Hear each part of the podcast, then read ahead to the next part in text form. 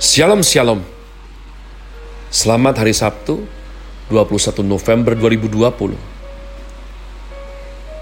Saya pendeta Caleb Hofer Bintor dalam anugerahnya. Penuh sukacita sampaikan pesan Tuhan melalui program Grace Word yakni suatu program renungan harian yang disusun dengan disiplin. Kami doakan dengan setia supaya makin dalam kita beroleh pengertian mengenai iman, pengharapan, dan kasih yang terkandung dalam Kristus Yesus Sungguh merupakan kerinduan bagi saya agar supaya kasih dan kuasa firman Tuhan setiap hari tidak pernah berhenti menjamah hati kita. Menggarap pola pikir, paling utama adalah kehidupan kita boleh sungguh terbukti makin berubah kepada Kristus Yesus, Tuhan dan Juru Selamat kita yang hidup. Tentu masih dalam season winter dengan tema developing, Chris Word hari ini saya berikan judul Good Job bagian yang ketiga. Good Job bagian yang ketiga Ya, sekali lagi saya jelaskan bahwa Job di sini adalah Bapak Ayub umat Tuhan. Yang mana dalam bahasa Inggris disebutkan bernama Job. Mari kita sekali lagi membuka yakni kitab Ayub Fatsal yang ketiga karena demikianlah komitmen membaca kitab sehingga habis sudah sampai Ayub Fatsal ketiga. Keluh kesah Ayub. Sesudah itu Ayub membuka mulutnya dan mengutuki hari kelahirannya maka berbicaralah Ayub, biarlah hilang lenyap hari kelahiranku, dan malam yang mengatakan seorang anak laki-laki telah ada dalam kandungan. Biarlah hari itu menjadi kegelapan, janganlah kiranya Allah yang di atas menghiraukannya, dan janganlah cahaya terang menyinarinya. Biarlah kegelapan dan kekelaman menuntut hari itu, awan kemauan menudunginya, dan gerhana matahari mengejutkannya. Malam itu, biarlah dia dicekam oleh kegelapan. Janganlah ia bersukaria pada hari-hari dalam setahun. Janganlah ia termasuk bilangan bulan-bulan. Ya, biarlah pada malam itu tidak ada yang melahirkan dan tidak terdengar suara kegirangan. Biarlah ia disumpai oleh para pengutuk hari, oleh mereka yang pandai membangkitkan marah Leviathan Biarlah bintang-bintang senja menjadi gelap. Biarlah ia menantikan terang yang tak kunjung datang. Janganlah ia melihat merekahnya fajar. Karena tidak ditutupnya pintu kandungan ibuku dan tidak disembunyikannya kesusahan dari mataku. Mengapa aku tidak mati waktu aku lahir atau binasa waktu aku keluar dari kandungan? Mengapa pangkuan menerima aku? Mengapa ada buah dada sehingga aku dapat menyusu? Jikalau tidak, Aku sekarang berbaring dan tenang. Aku tertidur dan mendapat istirahat. Bersama-sama raja-raja dan penasihat-penasihat di bumi. Yang mendirikan kembali reruntuhan bagi dirinya. Atau bersama-sama pembesar-pembesar yang mempunyai emas. Yang memenuhi rumahnya dengan perak. Atau mengapa aku tidak seperti anak gugur yang disembunyikan. Seperti bayi yang tidak melihat terang di sanalah orang fasik berhenti menimbulkan huru hara. Di sanalah mereka yang kehabisan tenaga mendapat istirahat. Dan para tawanan bersama-sama menjadi tenang. Mereka tidak lagi mendengar suara pengerah. Di sana orang kecil dan orang besar sama, dan budak bebas daripada tuannya. Mengapa terang diberikan kepada yang bersusah-susah dan hidup kepada yang pedih hati? Yang menantikan maut yang tak kunjung tiba, yang mengejarnya lebih daripada menggali harta terpendam, yang bersukaria dan bersorak-sorai, dan senang bila mereka menemukan kubur.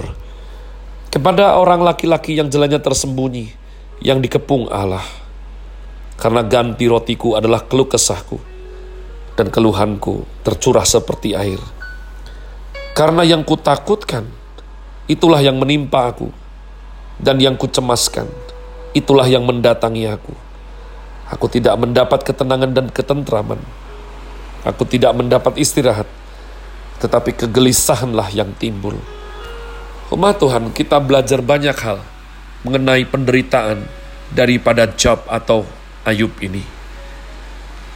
Ayub memberi kita wawasan mengenai orang baik, bukan lalu tidak akan menderita Justru melalui Ayub kita belajar tipologi daripada Kristofani, penampakan Tuhan Yesus sudah baik, sudah saleh, menjauhi kejahatan dan takut akan Tuhan, tapi diuji, dicobai. Dan kita juga sudah belajar bagaimana ini semua seizin Tuhan. Namun lepas daripada semuanya itu, Tuhanlah yang memberikan pembatasan. Sebab ada maksud kandungan yang mulia daripada Ayub dicobai ini. Nah umat Tuhan, ayat pertama dari Fatsal 3 ini berkata sesudah itu Ayub membuka mulutnya. Sesudah apa? Sesudah tujuh hari tujuh malam. Sesudah mereka berdiam dan meratap bersama-sama. Teman-temannya datang. Melihat bahwa sangat berat penderitaannya.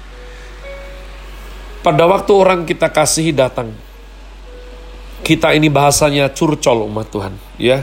Kita rindu meluapkan yang di hati kita. Ini adalah sangat lazim, sangat natur sekali. Itu sehat buat jiwa umat Tuhan. Ada baiknya kita ini mempunyai teman-teman, sahabat-sahabat dalam suka maupun duka.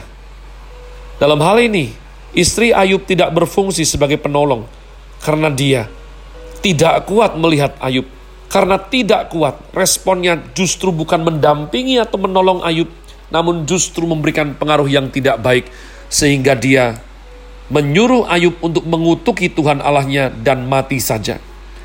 Maka ketika teman-temannya datang ini merupakan suatu bentuk hiburan tersendiri di tengah penderitaan yang amat sangat umat Tuhan. Oleh karenanya, Ayub tidak bersalah, dia tidak mempersalahkan Tuhan tapi dia berkeluh kesah. Sebagaimana beberapa orang yang saya temui, begitu sulit penderitaan, pergumulan yang dihadapi. Sampai terucap dari mulutnya, rasanya pengen mati saja rasanya. Demikian juga Ayub umat Tuhan. Dia mengutuki hari kelahirannya. Apakah ini baik? Tidak, ini buruk sekali. Tapi bukan yang terburuk kita belajar sekarang. Ya, menyalahkan Tuhan itu yang paling buruk. Ayub tidak. Menyalahkan orang lain itu paling buruk nomor dua. Ayub tidak. Ayub berkeluh kesah mengenai hari kelahirannya. Kenapa umat Tuhan?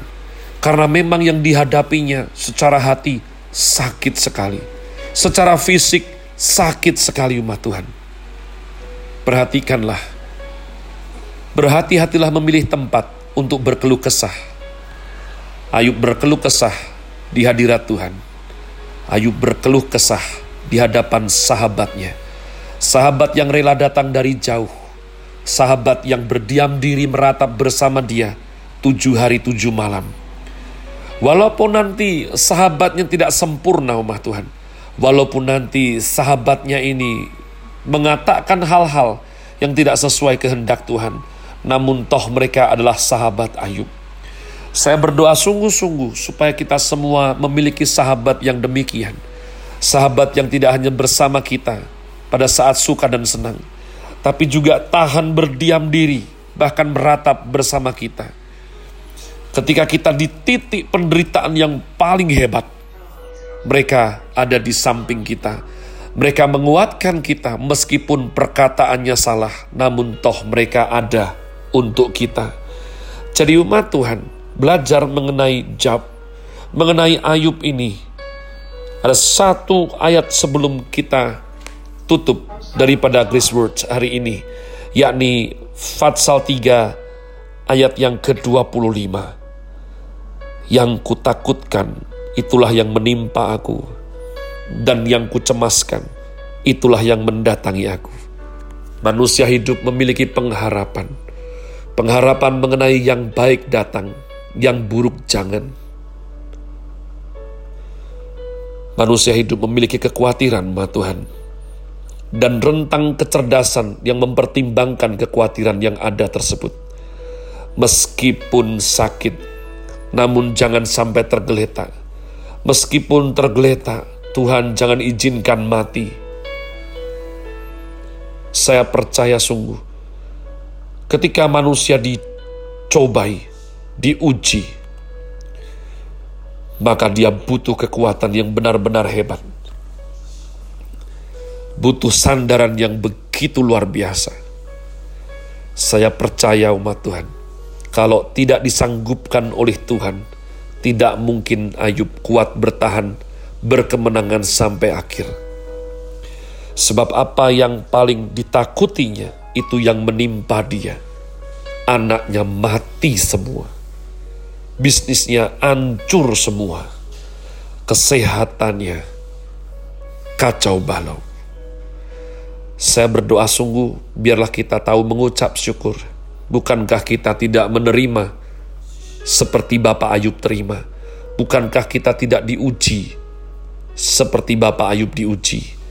Marilah kita berpegang teguh pada pengharapan yang terdapat dalam nama Tuhan Yesus Kristus dan tinggal tenang dalam percayakan firman-Nya. Have a nice day. Tuhan Yesus memberkati saudara sekalian. Sola. Grazie.